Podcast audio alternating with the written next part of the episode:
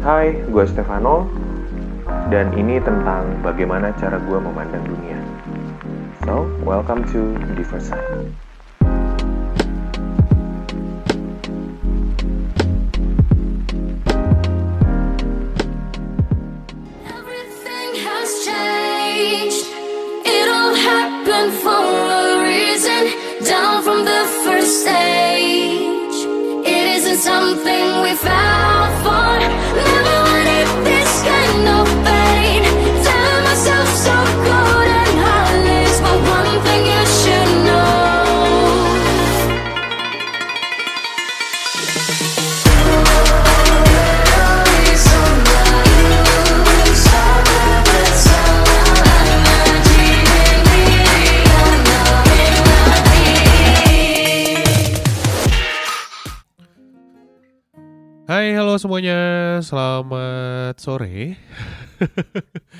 Kali ini agak terlambat lagi ya. Ya nggak apa-apa lah ya. Yang penting tetap di di upload. Oke, eh, kembali lagi bersama gue Stefano Eh, dan kita kembali lagi di Diverside. Eh, apa kabar teman-teman semuanya? Ini sudah masuk di tanggal 13 Juni. Eh, udah bulan Juni lah pokoknya ya. Sudah seberapa bosankah kalian di rumah masing-masing? Untuk menghadapi situasi seperti ini yang masih work from home, yang masih stay at home, tetap semangat, tetap semangat apalagi yang bareng gue tinggal di daerah Bandung, Jawa Barat. Ternyata PSBB kita diperpanjang lagi sampai tanggal 26 ya kalau nggak salah. Harusnya mall-mall udah buka minggu ini, tapi ternyata di pending. Jadi kalian harus menghabiskan waktu kalian lagi lebih banyak di rumah, mohon bersabar.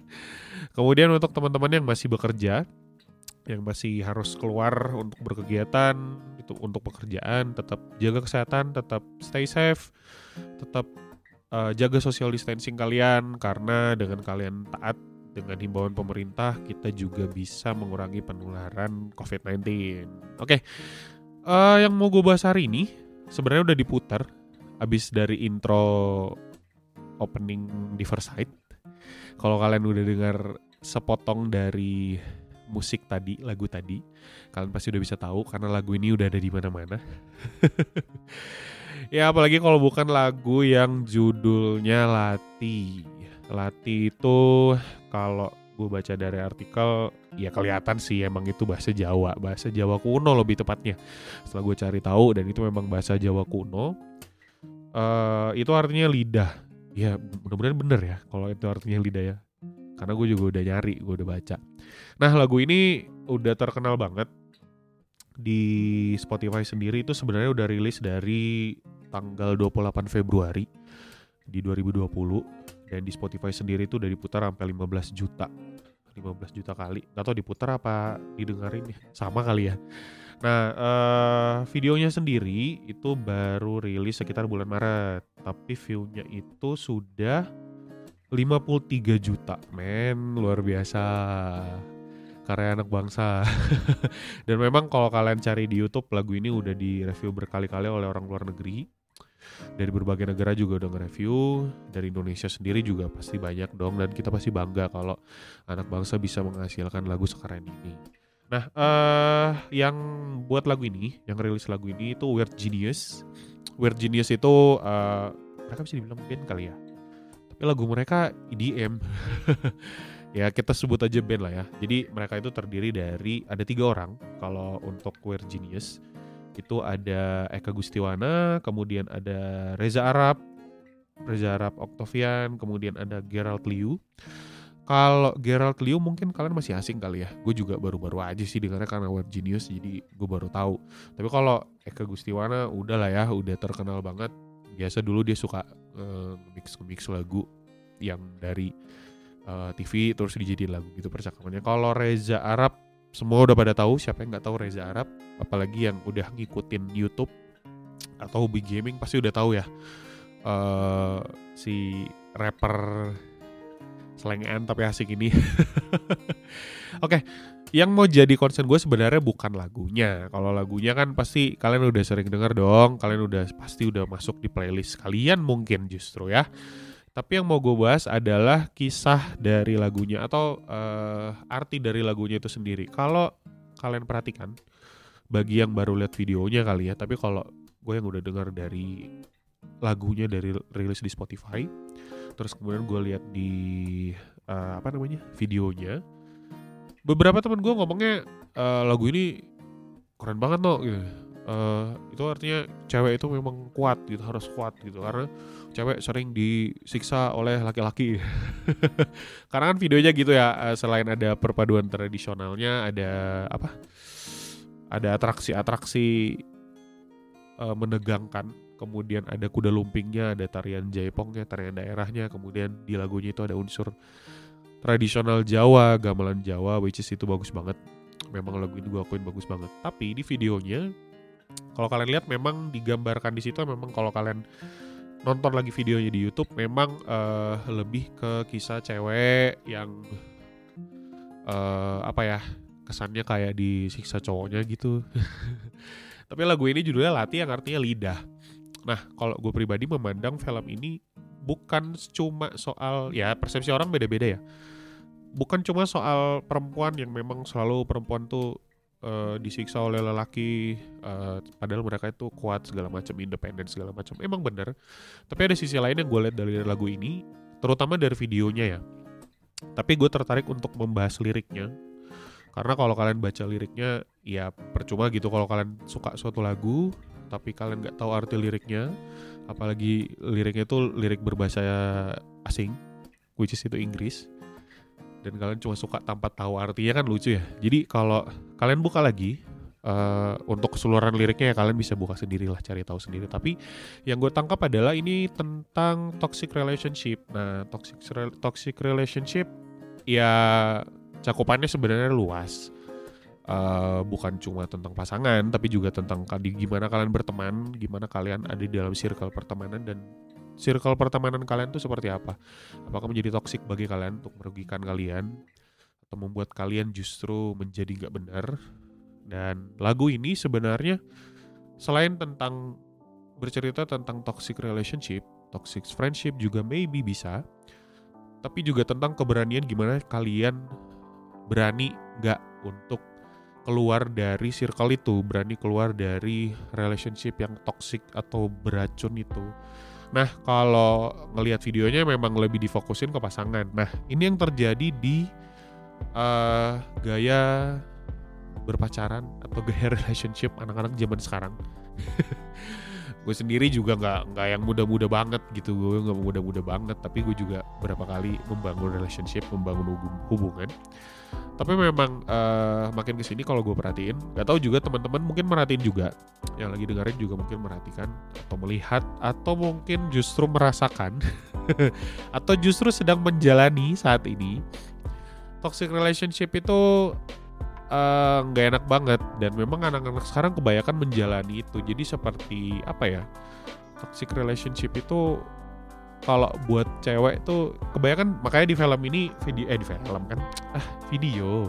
Di video musik ini lebih menekankan ke ceweknya gitu. Karena emang yang sering merasakan tuh ceweknya. Jadi diposisikan kita itu yang uh, kurang ajarnya. Kita yang cowok itu kurang ajarnya. Tapi sebenarnya gini kadang uh, cewek itu ini menurut gue pribadi ya sebagai seorang cowok kalian kan melihat uh, pelakunya pasti selalu cowok gitu. Nah kalau gue pribadi dari sudut pandang cowok Iya ada memang tipe-tipe cowok yang seperti itu yang memang uh, membangun hubungan dengan pasangannya dengan ceweknya itu tapi uh, mengharapkan sesuatu atau dengan tujuan tertentu jadi nggak benar-benar tulus untuk membangun hubungannya ada juga yang karena materi uh, cowok pasti ada kayak gitu. Kalau kali kalau cowok-cowok mungkin kebanyakan ah kebanyakan cewek sih yang materi segala macam. Oh nggak juga gitu. Kadang kalau kalian menuduh uh, cewek itu matre melihat kalian dari hartanya kadang juga harus dipikirkan gitu. Emang mereka yang matre atau kita yang memang kita yang laki-laki yang nggak mampu karena kadang kita udah tahu cewek itu penampilannya seperti itu. Kadang cewek itu uh, kita dari dari proses PDKT udah lihat lah cewek itu seperti apa kehidupannya tapi kita tetap nekat gitu.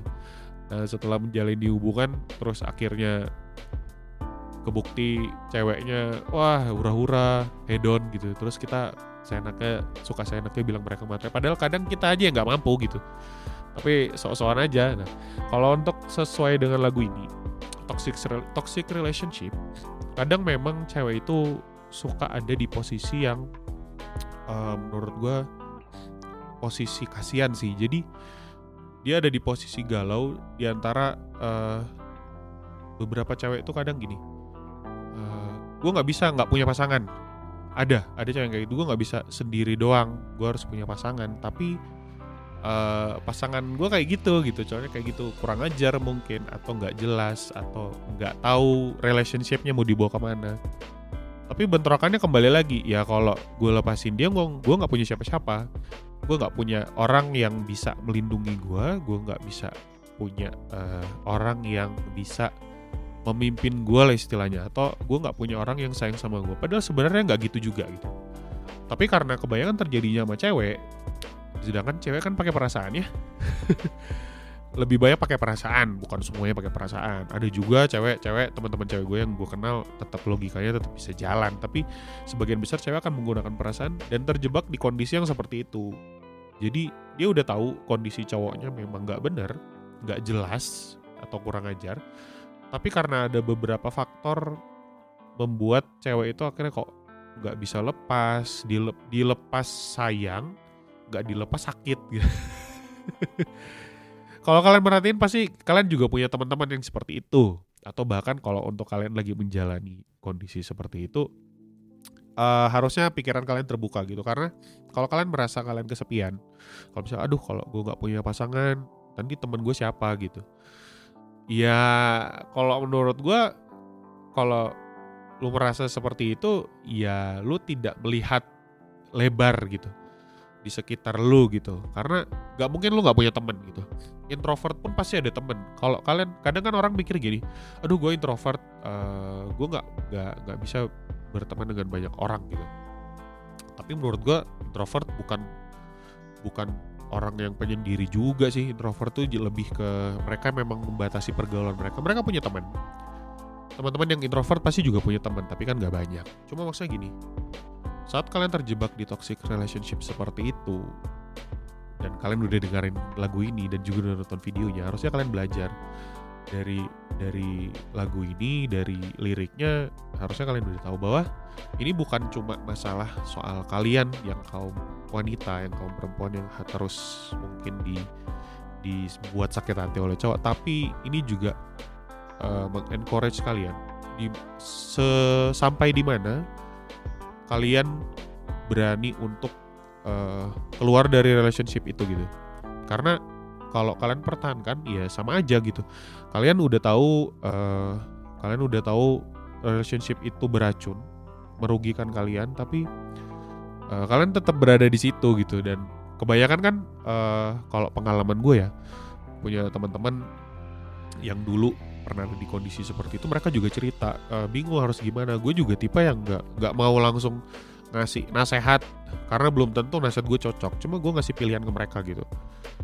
Ya kalau lu ngambil keputusan untuk stay lu udah tahu konsekuensinya. Tapi kalau lu memutuskan untuk keluar dari relationship itu akan banyak akan ada banyak hal-hal baru yang lu dapat gitu dan bukan berarti lu akan sendirian terus menerus gitu. Tapi gue kembali serahkan ke orang itu gitu. Tinggal orang itu yang milih. Nah untuk teman-teman yang mungkin sekarang dalam kondisi berada di dalam circle itu berada dalam relationship seperti itu tentukanlah pilihan kalian gitu. Karena eh, relationship relationship seperti itu nggak sehat gitu. Gue juga pernah ada di posisi gitu.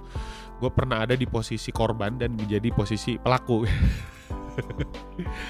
Ya gue nggak mau nggak mau sok suci juga. Gue juga udah bangun relationship berkali-kali gitu dan dari situ gue belajar da- dapat pengalaman banyak gimana cara membangun relationship relationship yang baik sebenarnya. Relationship yang baik adalah relationship yang uh, memberikan hal yang positif untuk masing-masing gitu nggak cuma salah satu.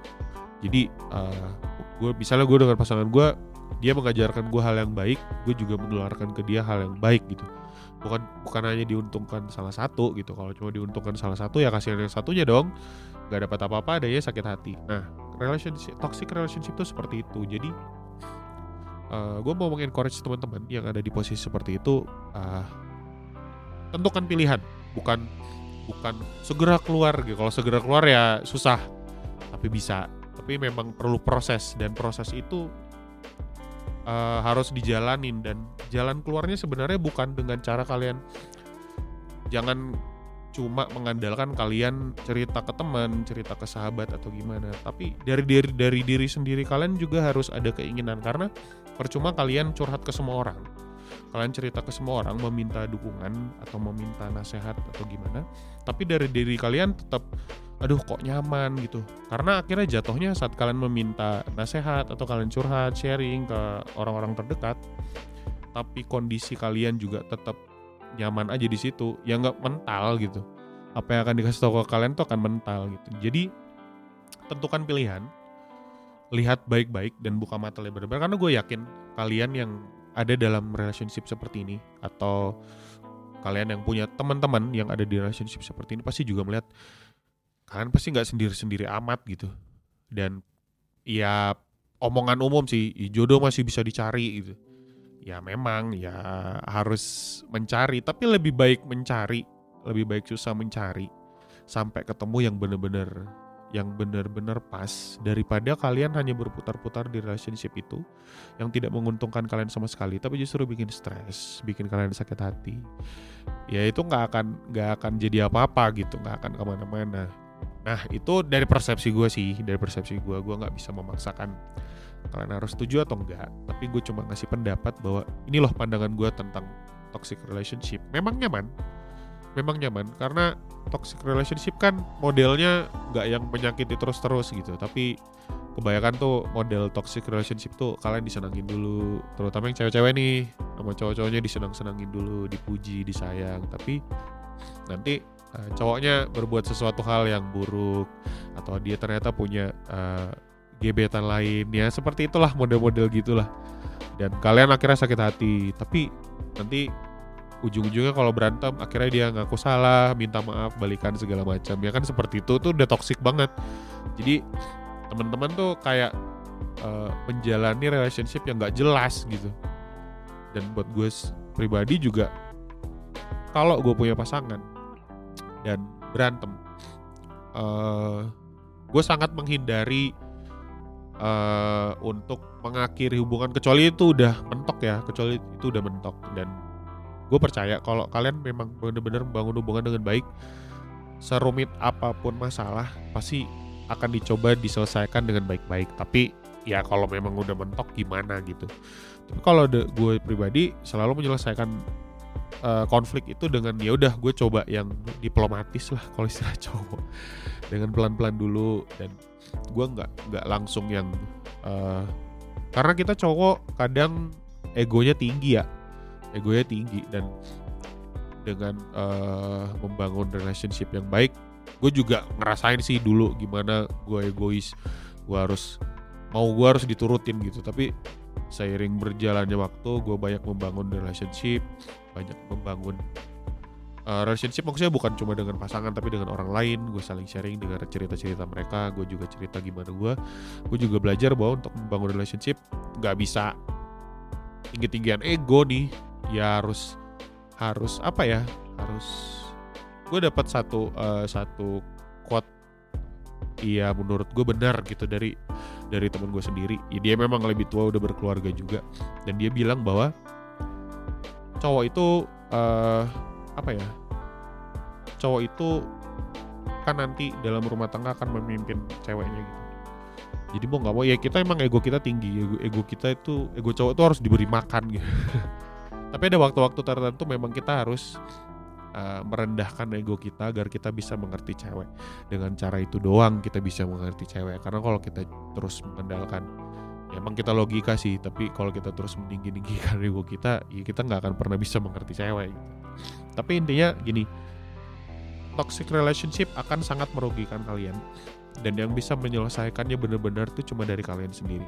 Dari kalian sendiri. Gimana kalian memutuskan untuk oke okay, gue akan keluar dari circle ini gue akan keluar dari relationship ini. Jadi gak usah takut gitu. Uh, gue nggak menjamin sih kalau kalian udah keluar kalian akan langsung bahagia ya. Gue nggak tahu ya. Itu tergantung gimana kalian membangun kehidupan kalian gimana kalian membangun uh, circle pertemanan kalian mungkin di lingkungan kalian seperti apa. Tapi uh, gue cuma bisa bilang bahwa saat kalian bisa berani memutuskan untuk keluar dari circle itu keluar dari relationship itu gue percaya akan ada hal-hal baik yang datang kemudian gitu. Karena uh, apa ya justru karena kita terus berputar-putar di circle itu di relationship itu justru kita nggak ngeliat gitu. Kalau sebenarnya di luar circle itu hidup kalian bisa lebih baik. Nah karena jadi kembali lagi ke teman-teman yang lagi menjalani relationship seperti itu lihat lagi gitu. Udah benarkah gue menjalankan relationship ini? Sudah benarkah uh, gue stay dengan pasangan yang sekarang seperti ini? Direnungkan aja gitu. Jangan nanti tiba-tiba setelah dengar ini teman-teman mungkin ada yang langsung langsung uh, saya enaknya gitu aja gitu langsung ih apa pasangan gue emang toksik ya dilihat lagi dilihat lagi. Pasti ada tanda-tandanya. Dan kalau memang kalian udah terlalu sering sakit hati daripada senangnya itu udah pasti toksik itu udah pasti toksik banget. Gak mungkin kan kalau suatu hubungan yang baik-baik aja itu sakit hati terus. Bahkan hal-hal kecil kalian bisa sakit hati gitu. Itu aja sih. Dan memang uh, di lagu Lati ini juga kan ada lirik bahasa Jawanya tuh kalau kalian kalau kalian lihat di di ini. Gue juga sampai searching tuh lirik bahasa Jawanya yang memang bahasa Jawanya Jawa Jawa nggak tahu nih Jawa halus apa Jawa jadul gitu. Uh, apa sih? Koera iso melayu saka kesalahan. Ya kalau di situ kan ini artinya kalau gue baca kamu tidak bisa lari dari kesalahan. Bener. Kita nggak bisa lari dari kesalahan. Selama kita jadi manusia kita nggak akan bener-bener terus gitu. Pasti ada kesalahan yang akan kita buat. Nah ini kata yang paling gue notice ajining diri anak ing lati. Harga diri seseorang ada pada lidahnya perkataan. Kadang tuh uh, kalau kalian tanya terutama ke laki-laki ya sebenarnya lagu lagu ini juga kena ke laki-laki sih. Jadi kayak laki-laki tuh dipegang apa aja sih? Kalau sebagian orang akan menjawab apalagi penganut uh, prinsip maskulinitas nanti di lain kesempatan gue akan membahas tentang maskulinitas. Tapi intinya kalau para para penganut laki-laki penganut maskulinitas yang istilahnya yang oh ya gue cowok gue harus kuat gitu. Nggak boleh terlihat lemah. Untuk orang seperti itu pasti mereka akan menjawab kalau bahwa laki-laki dipegang dari prinsipnya. Kalau menurut gue beda gitu. Nggak tahu gue bukan cowok kali. Tapi gue lebih uh, prefer laki-laki dipegang dari perkataannya gitu. Dipegang dari perkataannya.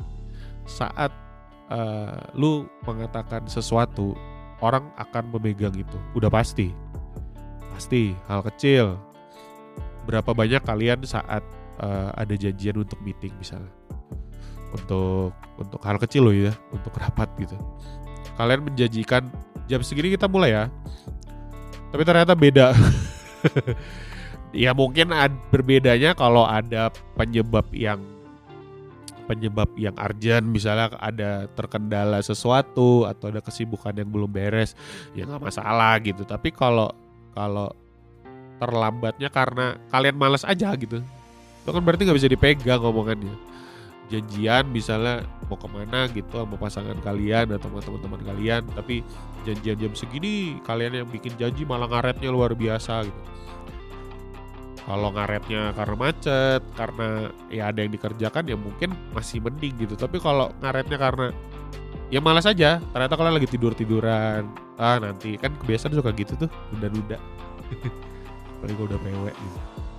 Ya itu hal kecil loh hal kecil seperti itu. Jadi kalau kebanyakan cowok mungkin yang memegang teguh prinsipnya gue lebih prefer untuk apa yang gue katakan gue selalu usahakan yaitu yang gue pegang gitu. Itu yang uh, apa yang gue katakan itu yang akan gue lakukan. Karena orang pasti akan melihat hal itu orang pasti akan memegang hal itu. Apalagi kalau kita ngomong ke orang menjanjikan sesuatu ke orang pasti orang akan pegang itu makanya untuk hal yang gue pikir gue nggak bisa bener-bener garantit gue nggak bisa bener-bener oke okay, gue bisa. Gue nggak berani untuk menjanjikan karena takut mengecewakan gitu. Jadi kalau ya itu menurut gue ya tapi kalau kalian juga merasakan hal yang sama kalau memang kalian merasa uh, memang tidak bisa bener-bener garantit gitu oke gue bener-bener bisa nih nggak bakal salah nggak bakal gimana gimana. Ya jangan menjanjikan gitu. Kalau kalian nggak bisa seperti itu. Ya seperti itu sih. Itu yang gue tangkap dari lagu Lati ini. Karena memang lagi viral banget ya. Dibanding dibanding. Sebenarnya gue juga mau bahas soal apa lagunya siapa sih? Si KKI ya ya KKI bukan boneka. Juga gue juga sebelumnya mau bahas itu gitu. Tentang bagaimana uh, orang-orang yang terkenalnya instan seperti itu terus gimana respon netizen terhadap mereka. Gue juga mau bahas itu tapi entah kenapa ada plan baru di kepala gue dan gue jadi membahas Lati gitu. Karena lagu ini juga selain uh, emang terkenal banget karena unsur Indonesia-nya juga enak banget. Aduh ini gue suka banget nih lagu. Udah masuk di playlist juga. Dan arti dari lagunya juga luas gitu. Bisa dilihat dari beragam macam sisi ya seperti di makanya gue angkat. Tapi intinya seperti itu. Uh, semoga uh, pembahasan tentang lagu ini bisa semakin membuka mata kalian. Tapi kembali lagi ke kalian ya. Karena kalian yang menjalani relationship seperti itu mungkin dengan pasangan kalian mungkin dengan orang-orang terdekat atau teman-teman kalian geng kalian mungkin circle pertemanan kalian.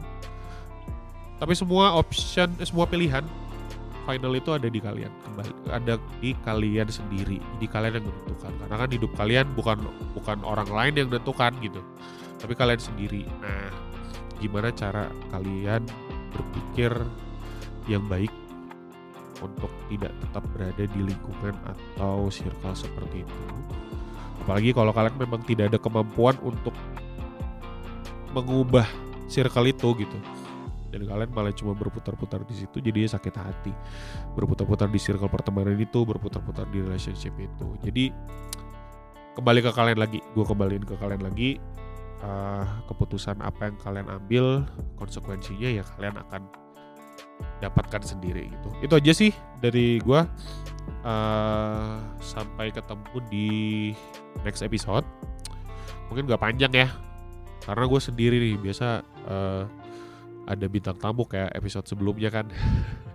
Tapi gue akan usahakan uh, dalam beberapa episode ada deh gue akan ajak teman-teman ngobrol yang ringan-ringan gitu. Atau ngobrol yang serius seperti juga boleh karena justru di pandemi seperti ini banyak hal yang bisa kita bahas loh. Jujur di kepala gue banyak hal gitu saking banyaknya gue nggak tahu mau bahas yang mana gitu. Jadi ya yang harus dipilih-pilih gitu mana yang akan dibahas Oke itu aja. Uh, semoga berguna buat teman-teman. Semoga bisa mengencourage teman-teman atau bisa menjadi uh, hal yang positif untuk teman-teman yang mendengarkan. Dan selamat melanjutkan aktivitas kalian, apa pun yang akan kalian lakukan setelah ini. Selamat beraktivitas, tetap stay safe, tetap stay health, jaga kebersihan, kemudian jaga social distancing, jaga jarak dengan orang-orang di sekitar kalian. Karena kalau kalian lihat di berita juga kondisi pandemi ini di Indonesia masih tetap naik gitu. Tapi ya mau gimana gitu. Ekonomi kita semakin akan jatuh jadi ya udahlah kesehatan urusan kita masing-masing lah ya. Semoga kalian tetap jaga kesehatan di mana pun kalian berada. Dan gue Stefano gue mau pamit undur diri dan this is Diversite karena hidup itu begitu unik dan tidak bisa dipandang dari satu sisi saja. Bye-bye.